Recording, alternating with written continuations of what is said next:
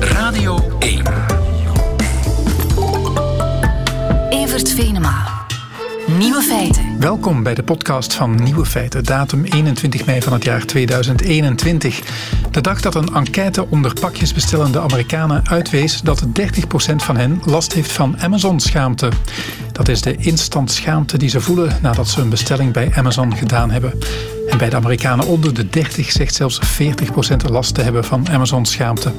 Aan de basis van hun schaamte ligt het feit dat Amazon gerund wordt door de rijkste man ter wereld, maar hun personeel wel lange shifts aan het minimumloon moet draaien. Ook voelen ze zich schuldig tegenover kleine onafhankelijke handelaars. Een boekhandelaar uit Kansas vertelt dat hij geregeld mensen over de vloer krijgt die zich komen excuseren dat ze een boek bij Amazon besteld hebben.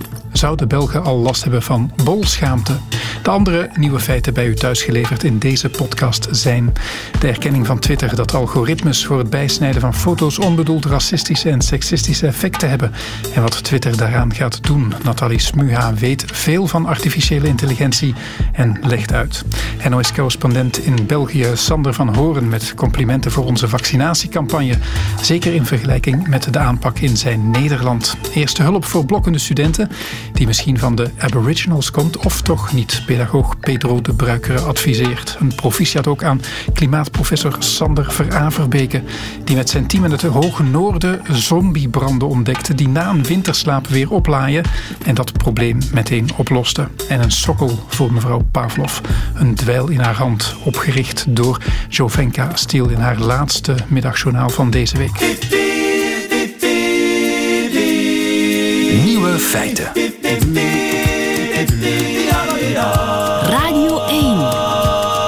Radio 1. Ik heb een al vele jaren slapende, in winterslaap verkerende Twitter-account, dus ik had het niet opgemerkt. Maar als jij Twitter gebruikt, is het jou waarschijnlijk wel opgevallen dat wanneer je een foto op Twitter zet, die foto automatisch wordt bijgesneden om beter op het scherm te passen.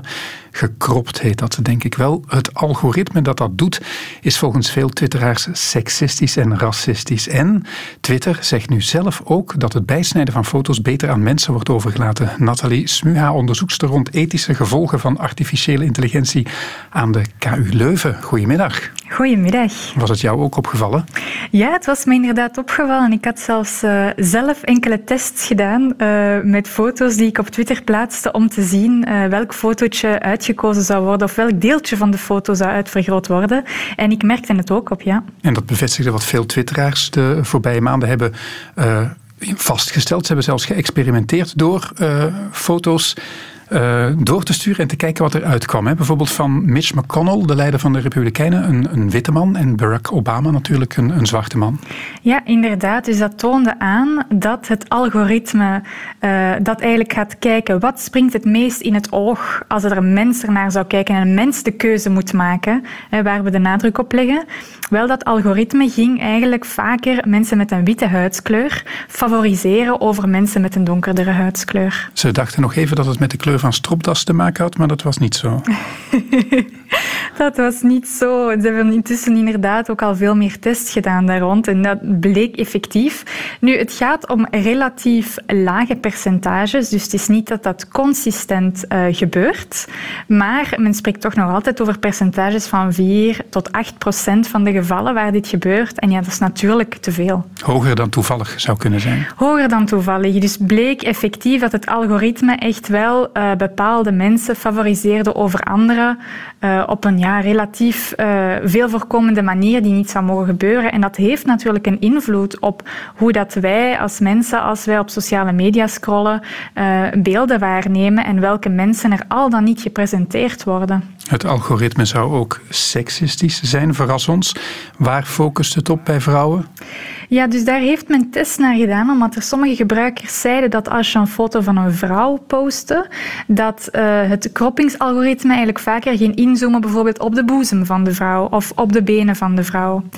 Nu, Twitter heeft daar um, studies rond gedaan. Hè, en uh, men heeft bevestigd in die studie dat er geen bewijs is, of althans dat zij geen bewijs vinden, dat dit op een consistente manier gebeurt. Dus het zal maar op drie op de honderd gevallen zijn dat niet het gezicht van een persoon wordt uh, afgebeeld, maar dat men op andere dingen in uh, de foto focust. En dat zijn dan meestal ook objecten in de foto, eerder dan de persoon zelf. Maar er zijn toch wel wat gebruikers die dit toch wel hebben opgemerkt. En Twitter, dat is het nieuws van vandaag, zegt nu zelf dat moet beter. Wat hebben ze precies aangekondigd? Ja, inderdaad. Dus ze hebben aangekondigd dat uh, men sommige zaken eigenlijk beter overlaat aan menselijke beslissingen in plaats van beslissingen van het algoritme. Men heeft dat eigenlijk wel relatief goed aangepakt, zou ik zeggen. Uh, men heeft daar publiek over gecommuniceerd. Dus uh, men heeft daar een team aangesteld van ja, AI researchers in ethics, transparency en accountability. Dus een team van onderzoekers die eigenlijk is nagegaan, oké, wat zijn de problemen die zich voordoen met dat algoritme? Uh, bijvoorbeeld demografische representatie, hè, bijvoorbeeld ook representatie in termen van gender. Um, en men heeft ook echte cijfers aangehaald van kijk, op basis van onze testen zien we effectief dat er een bevooroordeling is van bepaalde mensen. Um, we hebben de methodologie van hun studie ook publiek gemaakt, zodat andere mensen die kunnen reproduceren, wat ook wel belangrijk is hè, als je een onderzoek doet. En ze hebben gezegd van kijk, we hebben daaruit besloten dat het compromis dat wij maken tussen de snelheid uh, van foto's en afbeeldingen te tonen aan mensen en de ja, rechtvaardigheid daaraan ten koste gaat. En dat is een compromis die wij liever niet meer willen maken. Dus men gaat terug de keuze geven aan de gebruiker zelf om te kiezen wat er uitgesneden wordt in de foto. En geven ze daarmee impliciet toe dat hun algoritme seksistisch en racistisch geworden is? Ja, ze geven daar natuurlijk wel toe dat daar een probleem is. En ik moet zeggen, het is belangrijk om te benadrukken, dat is natuurlijk niet met opzet. Hè. Het is dus niet dat de programmeurs van Twitter met opzet het algoritme zo hebben ingesteld. Geen strategie. Dat het bijvoorbeeld... Geen strategie, nee. En dat is eigenlijk het probleem met algoritmes meer algemeen. Je gaat die optimiseren naar een bepaalde functie. In dit geval, wat springt er het meest uit het oog? Waar gaan mensen het eerst naar kijken? Um, zonder rekening te houden of, of dat nu ook eenmaal ethisch is, om dat uit het oog te laten springen. Um, dus het is niet zo dat dat op, met opzet is gebeurd, maar het is wel belangrijk als het onrechtvaardige situaties teweeg brengt, zoals hier, dat dat wordt rechtgezet. Dus het is wel een goede stap die hier wordt gezet door toe te geven dat het algoritme niet werkt naar behoren, naar standaarden gezien, um, en dat ze het dus ook niet langer willen gebruiken. Twitter uh, ondernam de voorbije maanden wel meer actie, nam meer het voortrouwen om uh, het platform te verbeteren. Bijvoorbeeld uh, door het labelen van fake news, door Trump er gewoon af te flikkeren. Is het een PR-oefening ook dit? Er is altijd een beetje een PR-oefening uh, die daaraan uh, bijgaat. Maar ik moet wel zeggen dat bij Twitter het redelijk serieus lijkt. Hè. Ze hebben ook hun team van onderzoekers in ethische AI gevoelig uitgebreid uh, de laatste tijd. Om ook wel meer credibiliteit te geven aan hun voornemens om iets te doen aan die onethische algoritmes. Het feit dat ze nu ook die studie publiceren, de methodologie om die reproduceerbaar te maken, dat ze ook echt de cijfers tonen. En die cijfers zijn ook niet zo mooi. Dat draagt wel bij tot het idee dat ze er iets aan willen doen. Zeker als je vergelijkt met andere platforms waar eenzelfde algoritme wordt gebruikt en waar er momenteel nog altijd radiostilte is over hoe dat ze dat gaan oplossen. En inderdaad, je zag ook naar aanloop van de verkiezingen in de VS of andere misinformatiecampagnes dat Twitter toch wel probeerde om uh, dat te kaderen. En als zij uh, begonnen, dan, dan volgden de anderen. Zal dat hier ook het geval zijn, denk je? Laten we het hopen. Het is in ieder geval een krachtig signaal. Hè. Als je toegeeft dat je algoritme bevooroordeeld is en men weet dat die andere sociale media gelijksoortige algoritmes gebruiken, dan zou het gek zijn dat die andere sociale media daar niets aan doen. Dus in principe hebben zij ook teams. Hè. Ik denk aan Facebook, Instagram. Uh, zij hebben ook teams die bezig zijn met ethische AI. Maar tot zover uh, hebben zij nog geen studie uitgebracht met cijfers bijvoorbeeld. Ze zijn daar iets meer stil over. Dus het is te hopen dat dit signaal van Twitter ook gaat overslaan naar andere platformen, want er is wel degelijk een maatschappelijke impact die moet worden aangepakt. Mensen gaan opnieuw aan de slag met die algoritmes. Eh, kan je die algoritmes veranderen, zodat ze minder racistisch en seksistisch worden? Ja, je kan dat doen. Hè. Je kan dus die proberen te trainen op een manier dat er minder uh, bevooroordeling is. Dat is wel iets moeilijk. Het is eigenlijk makkelijker om je algoritme algoritme op voorhand uh, zo te bouwen dat er minder bevoordeling is, dan als je het daarna moet gaan fixen. En dat is waarschijnlijk ook waarom Twitter heeft gezegd, kijk, we gaan in dit geval ook het algoritme niet meer gebruiken. Uh, we gaan gewoon de keuze overlaten aan de mens. Um, en dat zou eigenlijk een tendens kunnen zijn die je misschien vaker gaat zien. Hè. Men heeft, er is zoveel content op sociale media. En vroeger toonde men die content gewoon aan ons op chronologische manier. Hè. Men zag gewoon het laatste wat er werd gepost. Maar nu is dat natuurlijk niet meer doenbaar, omdat er zoveel wordt gepost. Dus gaat het algoritme voor ons de keuze maken wat wij zien. Maar vanaf dat er een keuze wordt gemaakt voor ons, behoudt dat ook een beperking in hè, voor onze keuzes van wat we zien.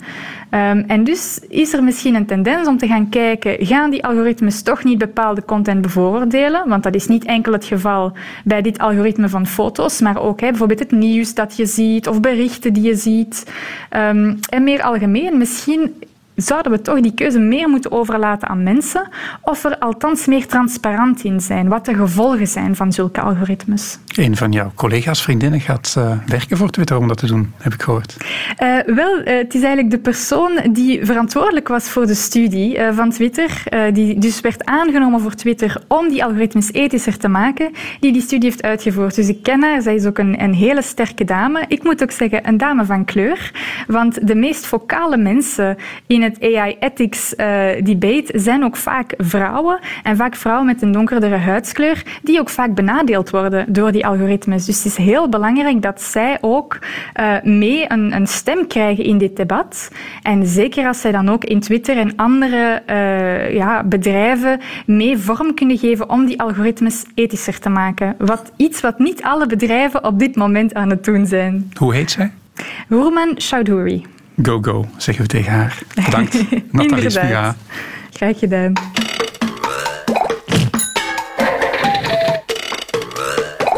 feiten. Het is die tijd van het academiejaar dat het blokkende studentenbrein af en toe blokkeert en de paniek toeslaat. Leg daarom nu de cursus even opzij en leer met nieuwe feiten van buiten leren als een aboriginal. Pedro de Bruikere, geen aboriginal, maar huispedagoog van dit programma. Goedemiddag. Een goedemiddag. Een Australisch onderzoek vergeleken westerse geheugenmethodes met hoe aboriginals al tienduizenden jaren kennis overleveren en hun systeem won. Wat waren die westerse methodes? Want ik probeer er altijd methode gewoon zoveel mogelijk in te pompen. Ik had geen methode. Welke bestaan er? Oh, er bestaan er heel veel, maar in dit geval gebruiken ze een methode die de oude Grieken ontworpen hebben en die in feite ook bekend is voor iedereen die ooit Sherlock gelezen heeft of naar de tv Sherlock gekeken heeft. En dat gaat in feite over gedachtepaleizen. Dus uh, je beeld je een virtueel gebouw in, in je hoofd, en je plaatst in elke kamer een object dat je moet onthouden. En op die manier, door dan virtueel door het gebouw te lopen, kan je dingen weer oproepen. Door te koppelen aan plaatsen eigenlijk door te, ja, te koppelen aan een plaats in een gebouw en liefst er ook wel heel duidelijk aan te koppelen. En de Aboriginals die hebben in feite een methode die daarop lijkt, maar die gebruiken, ja, 60.000 jaar geleden waren er nog niet zoveel gebouwen, denk ik. En die gebruiken vooral de natuur en die doen daar nog wat meer bij. Ze gaan in feite een parcours afleggen, naar stenen kijken en dergelijke meer. En ze gaan daar een verhaal bij verzinnen. En wat hebben ze nu gedaan? Uh, men nam een driegroep, men nam een driegroep studenten en die moesten allemaal twintig namen van vlinders memoriseren, maar heel belangrijk, ze mochten ook niks opschrijven. Ja. Eén groep kreeg daarna de kans om uitleg te krijgen over de uh, gedachtenpaleismethode, de andere groep de Aboriginal methode en de andere kreeg een random video te zien mm, die niks met uh, het geheugen te maken had. En wat bleek? Wat bleek? De winnaars waren de Aboriginals. Um, die konden drie keer meer alle namen onthouden. De, bijna drie keer. De groep van, die het Gedachtenpaleis, die deden het ook zeer goed. Die konden uh, tot twee keer mee, vaker alles onthouden. Diegenen die enkel de video gezien hadden, ja, die, die waren de stumpers in dit geval. En ook zeer opvallend bij de Aboriginals, dat ze ook vaker, terwijl dat, dat niet de opdracht was, ook de namen van de vlinders in de juiste volgorde kunnen, konden weergeven. En ze vonden de Aboriginal techniek ook nog een leukere blokmethode. Hè? Ja, maar ik ben daar al wat voorzichtig mee. Ehm, de kans is heel groot, omdat het iets nieuws is en helemaal anders, dat daardoor men het leuker vond. Eh, ik vind het belangrijker vooral om te kijken naar de effectiviteit. En verwondert je dat eh, resultaat als pedagoog? Ja, nee. Ehm, we weten dus dat die methode met dat gedachtenpaleis, die een, koppelen van plaats aan inhoud, dat dat wel heel goed werkt. En wat heeft men gedaan in deze methode? Men heeft er nog iets aan toegevoegd. Namelijk, men heeft er een andere sterke methode om dingen te onthouden, een verhaaltje maken, eraan gekoppeld. Dus dat het goed zou scoren en misschien zelfs beter, ja, dat verbaast me niet. Nu, de onderzoekers geven nog een, een andere mogelijke verklaring waarom het zou beter kunnen werken. En dat heeft te maken met een heel populaire theorie op dit moment uh, over uh, ons geheugen. Ons werkgeheugen mag je niet overbelasten. En zij vermoeden dat uh, een, een huis veel meer prikkels bevat, terwijl dat die natuur veel rustiger is, minder prikkels, minder overbelasting van het werkgeheugen en daardoor beter kunnen werken en beter kunnen onthouden. Aboriginals nu, hebben ook geen schrift, hè? Uh, nee, maar dat was de, die beide methodes die zijn echt ontstaan, ook bij de Grieken, die wel al natuurlijk een vorm van schrift hadden, maar hele redenvoeringen moesten uit het hoofd gememoriseerd worden. En daarvoor is die, die uh, gedachtpaleismethode ook ontwikkeld. En dat merkte men ook bij de Aboriginals, en dat merkt men op vele plaatsen. We zoeken naar methodes om verhalen en inhouden en belangrijke kennis over te leveren. Wat in dit geval heel fascinerend is, we hebben het hier over twee methodes die in feite stokoud zijn. En soms gaan mensen denken van wij leren nu op een andere manier, maar wat blijkt, die stokoude methodes die werken nog steeds.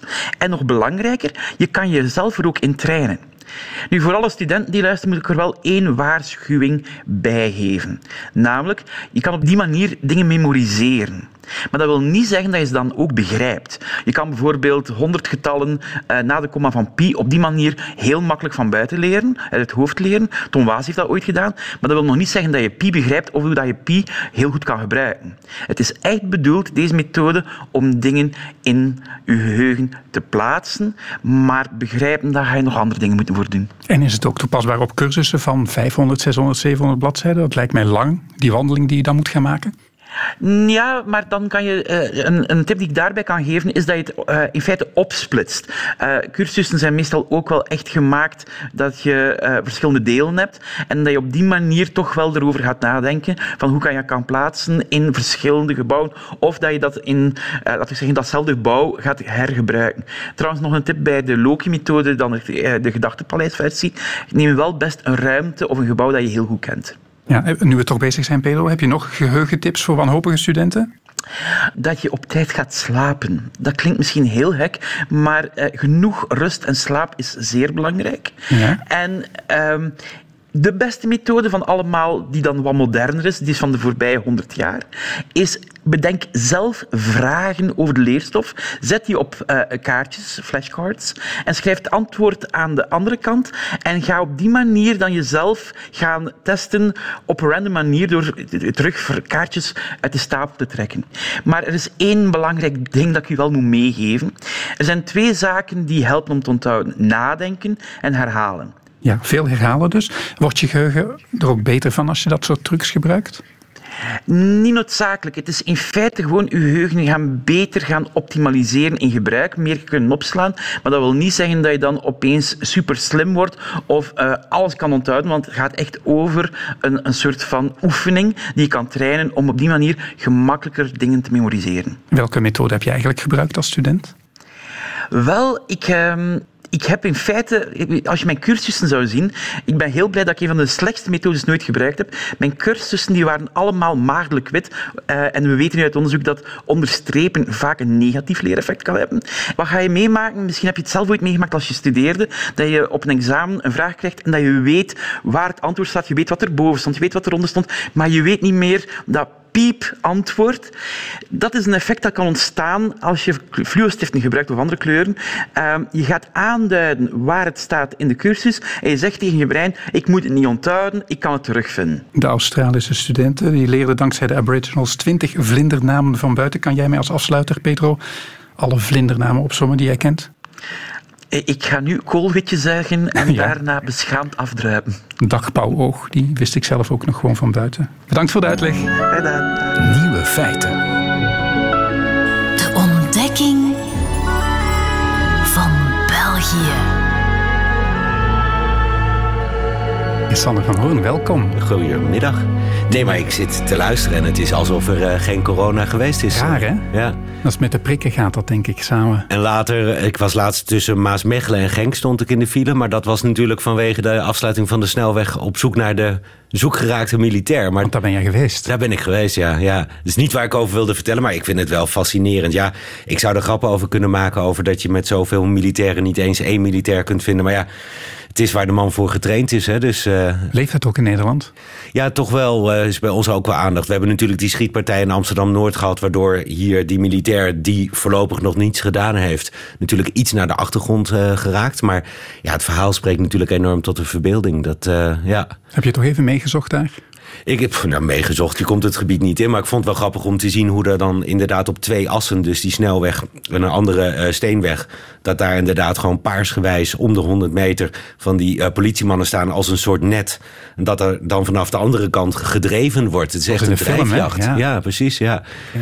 Maar goed... De, Wat is je nog opgevallen? Nou, opgevallen eigenlijk, uh, want dit kun je zeggen... het is... Um, wat minder goed geregeld, want ze hebben hem nog niet. Maar ik vind die vaccinatie hier zo goed geregeld. En je zou, op voorhand had ik al gedacht van... oh man, dan gaan we weer met Vlaanderen doet dit en Wallonië doet dat. En dan heb je ook nog Brussel die het weer op een andere manier doet. Maar goed, doordat in Brussel zo weinig ouderen bereikt worden... Eh, ben ik al aan de beurt geweest. Jij bent al geprikt? Ik ben al geprikt. Ik nog niet. Nee, kijk eens. Ik denk dat ik ouder ben. Ik denk het ook. Het ja. zal niet heel veel schelen. Maar oké, okay, uh, full disclosure. Ik ben 50 en hier in Brussel ben ik uh, anderhalve week al aan de, geleden aan de beurt geweest. En ik dacht echt van, weet je, ik wil het, het, het gewoon zien zoals het is. Dus ik kon naar een klein centrum. Ik ben naar De Heizel gegaan.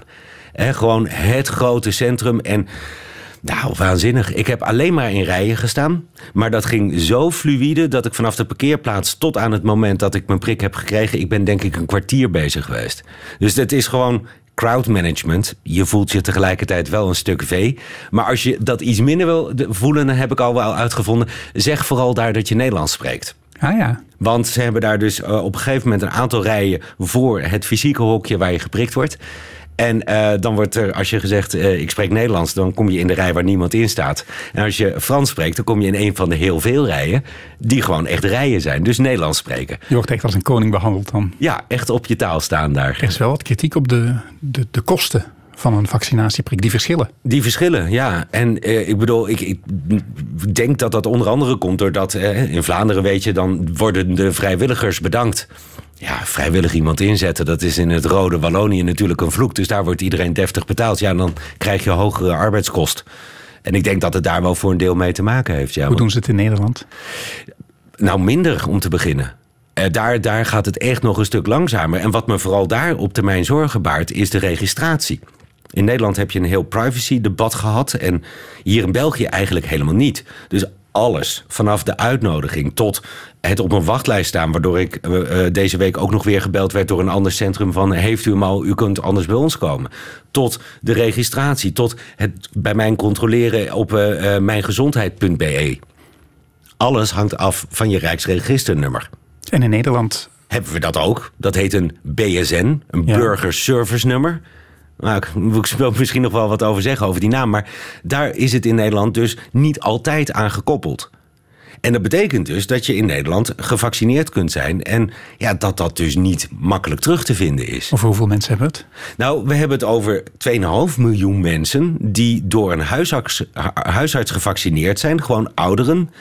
En dat Die is op een of andere manier. nog- weet? Dat is nog niet in een centraal systeem eh, terechtgekomen in elk geval. Nee. En dat centrale systeem, ja, dat, dat piept en kraakt aan alle kanten. Dus ja, dat zagen we eigenlijk ook met het hele systeem van het enten zelf, het vaccineren zelf, waardoor Nederland eigenlijk vrij laat begon. Dat was ook omdat het er nog niet klaar voor was. En nu heb je dus weer een systeem wat er niet klaar voor is. En Nederland moet echt snel het been bijtrekken, want anders dan ga je dus de situatie krijgen dat ik in België redelijk makkelijk. Ik neem aan met een druk op de knop zometeen op mijngezondheid.be kan ik zo'n Europese reispas krijgen. Vaccinatiepaspoort, ja. Precies. En in Nederland, ja, dan gaan we met z'n allen naar de politiek staan kijken. Zo van waarom is Nederland er nog niet klaar voor? Nou, onder andere dus omdat die registratie zo slecht geregeld is. En ik vind het wel aardig hoor, dat, dat hier in België heet zoiets een Rijksregisternummer.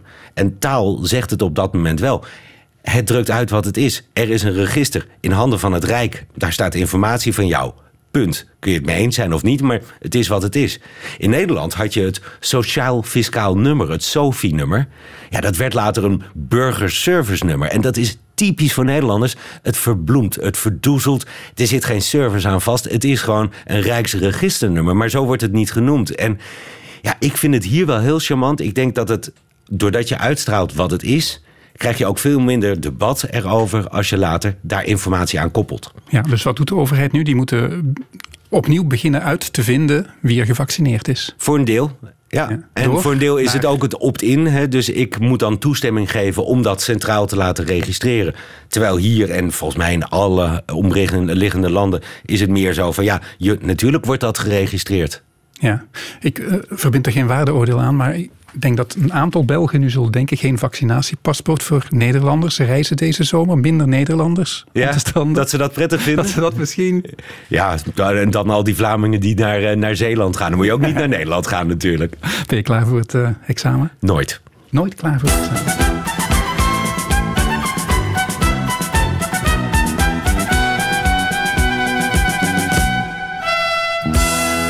Examen Vlaams.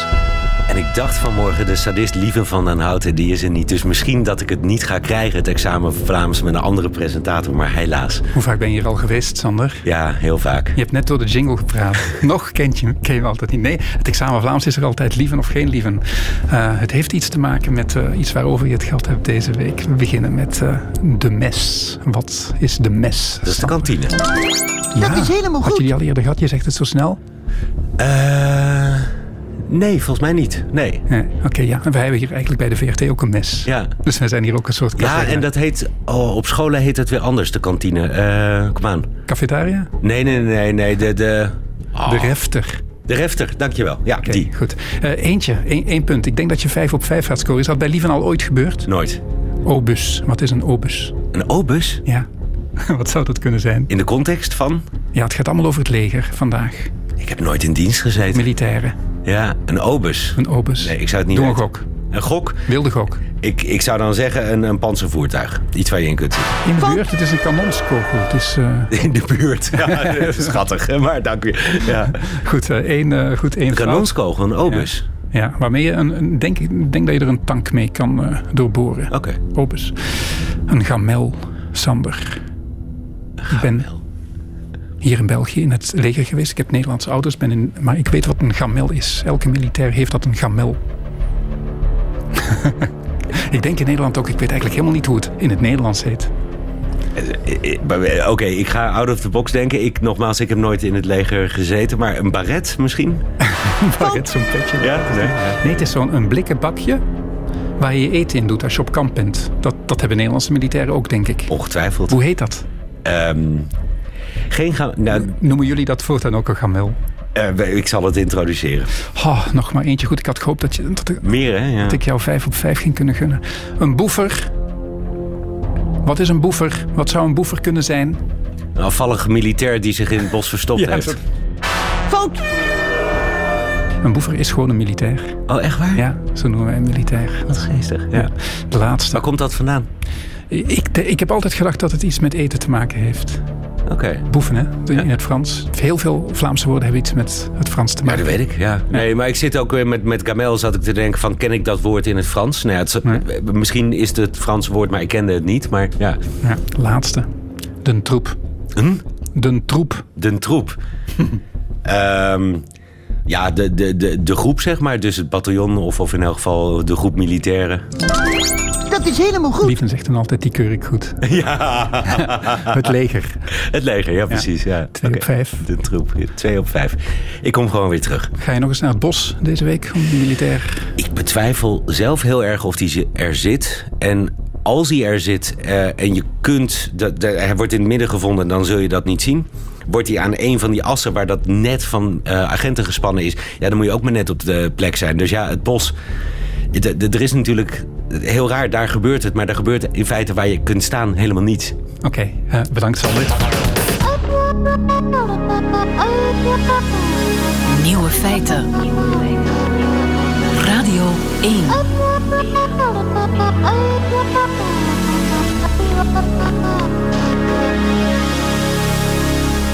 Beren doen het kikkers, schildpadden en hamsters, dat wisten we. Maar klimaatwetenschappers van de Vrije Universiteit Amsterdam hebben ontdekt dat ook bosbranden een winterslaap kunnen houden. Sander Veraverbeke, lid van de, het Nederlandse onderzoeksteam. Goedemiddag, jullie hebben dat ontdekt. Kraken klimaatwetenschappers een fles champagne op zo'n primeur? Of is het nieuws daar te somber voor dat die uh, branden blijven woekeren? Uh, goedemiddag, uh, Evert. Ja, het is natuurlijk wel uh, plezant om in zo'n tijdschrift uh, terecht te komen, maar langs de andere kant, zoals je zegt, is het, uh, de boodschap is niet, niet, niet direct positief, dus het is een beetje dubbel. Zombiebranden heet het verschijnsel. Wat zijn het precies? Het zijn overwinterende branden. Dus wat gebeurt in, in het hoge noorden heb je een, een, bosbrand in de zomer. En dan lijkt het of dat die, die brand uitdooft wanneer dat er regen en sneeuw komt in de, in de winter. Maar wat er eigenlijk gebeurt is dat die brand was zitten smeulen onder de sneeuw. En het kan er makkelijk uh, min 30, min 40 graden worden. Uh, en, en vanaf dat het de lente wordt en de sneeuw smelt, het wordt wat warm en droog, uh, dan kan die smeulende brand terug gaan opflakkeren en echt terug gaan uitgroeien tot een, tot een nieuwe bosbrand, één jaar later. Het zijn dus bosbranden die niet door de bliksem of door mensen in gang gezet worden, maar die eigenlijk gewoon een, een hele winter en, en, en alleen in koude omstandigheden blijven voortwoekeren. Ja, wel de oorspronkelijke brand is meestal wel gestart door bliksem of de mens. Maar dan het, het feit dat hij de winter overbrugt, dat is dus een, wel iets heel speciaals. En vanaf dan kan je het eigenlijk een zombiebrand gaan noemen. Waar voedt dat vuur zich mee? Want dat heeft voeding nodig, dat heeft zuurstof nodig. Ja, dat klopt. Wel, uh, misschien is het een beetje een perceptie van, uh, van mensen. Als ze aan een bosbrand denken, dan denken ze in de eerste plaats aan, aan bomen die in brand staan. Maar in die gebieden zit er eigenlijk heel veel koolstof in de ondergrond. Ongeveer 90% van koolstofemissies komen van de ondergrond, van die, die veenbodems daar. En dat uh, zorgt eigenlijk natuurlijk voor de, de, ideale condities en ook de brandstof om die, om die overwinterende branden gaande te houden. Als die onder de sneeuw uh, voortduren, hoe hebben jullie dan, die dan eigenlijk ontdekt? Ja, dat is een goede vraag. satellietdata zijn voor ons heel cruciaal. Um, en ja, in de winter zie je ze dan inderdaad uh, niet. Um, maar uh, er zijn een aantal kenmerken die ze heel specifiek maken. Ze gebeuren eigenlijk, in de lente komen ze altijd tevoorschijn heel dicht bij een brand van het jaar ervoor. Dus als je dan uh, ze terug kan detecteren, terug, als het terug een opflakkerende brand wordt, en het is vlak bij de plaats waar dat het, uh, het jaar ervoor gestopt is, dan is dat een heel sterke indicatie dat dit een zombiebrand was. Is het echt gebonden aan de klimaatopwarming? Bestond het vroeger niet en, en wordt het meer en meer? Wel, uh, het gaat snel in die gebieden. Het, uh, het warmt snel op en dat leidt tot grotere uh, ja, brandjaren, dat de branden ook heel intens in die bodem gaan branden. Wij hebben een relatie gevonden dat na zo'n hevig brandjaar, dat dan het jaar erna zie je er meer van, van die bosbranden, zombiebosbranden. En we weten dus dat uh, het daar snel opwarmt. Dat hebben we ook aangetoond in de laatste 40 jaar. En dat het dus ook meer brandt. En dat uh, uh, leidt er dan toe dat, er, dat we ook meer zombiebranden mogen verwachten in de toekomst. Oké, klinkt alarmerend. Maar er is ook goed nieuws, want jullie hebben ook een algoritme gevonden om dat op te lossen. Wel, um, er is goed nieuws inderdaad, want um, die branden zijn heel voorspelbaar. We weten eigenlijk altijd waar dan ze ongeveer uh, tevoorschijn kunnen komen, dus dicht bij de branden van het, van het jaar ervoor. En ze starten eigenlijk ook heel vroeg. Hè? Vanaf dat de sneeuw begint te, te, smelten, dat is ongeveer nu in die gebieden, dus mei. Terwijl dat het echte bos, bosbrandseizoen daar normaal gezien pas uitbreekt in, in, juni.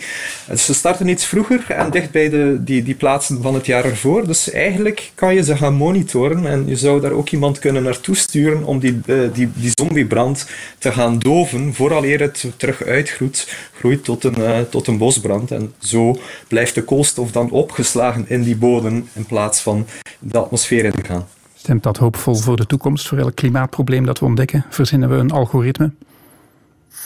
Wel, uh, ik denk dat we ook eerlijk moeten zijn dat we hier praten over, uh, volgens onze inschattingen, over 1% van het totale afgebrande gebied. Dus dit alleen gaat het zeker uh, niet oplossen, maar het kan zeker daartoe bijdragen. Toch, proficiat kraak, toch maar een flesje. Niet op de zombiebranden, maar op het algoritme. Bedankt, Sander Vraverbeker.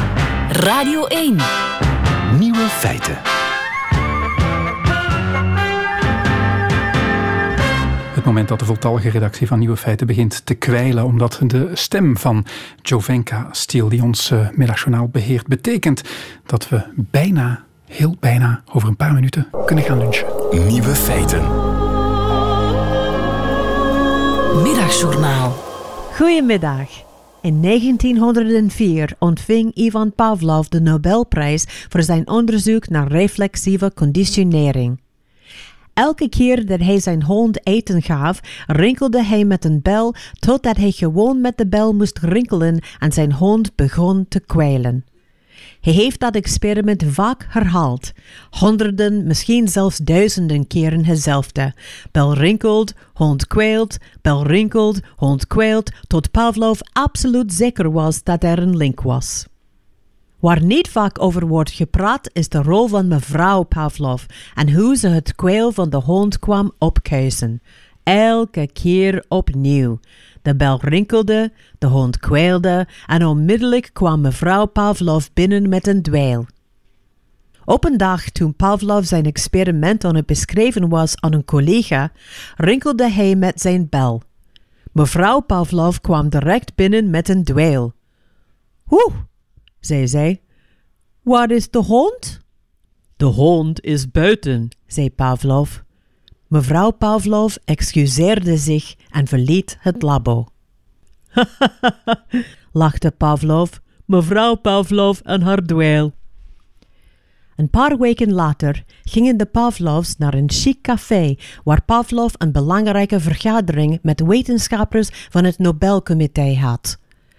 Terwijl Pavlov hun aan het vertellen was over zijn geniale hondenexperiment, rinkelde de bel van een passerende tram. Mevrouw Pavlov stond op, pakte de dweil van het café en liep naar buiten de tram achterna. Pavlov keek naar de verwarde gezichten van de wetenschappers en zei: Haha, mevrouw Pavlov en haar dweil. Na een paar minuten kwam mevrouw Pavlov terug het café binnen. De wetenschappers stonden op en zeiden: Meneer Pavlov, we hebben genoeg gehoord over uw experiment van reflexieve conditionering. We vinden het geniaal en we geven u de Nobelprijs. Mevrouw Pavlov, u zal wel heel trots op uw man zijn. En nog voordat mevrouw Pavlov kon antwoorden, rinkelde de bel van de cafékassa en begon mevrouw Pavlov de vloer te dwelen. Er was een ongemakkelijke stilte terwijl de wetenschappers allemaal naar haar keken. Ja, ja, lachte Pavlov. Mevrouw Pavlov en haar. Mevrouw Pavlov en haar.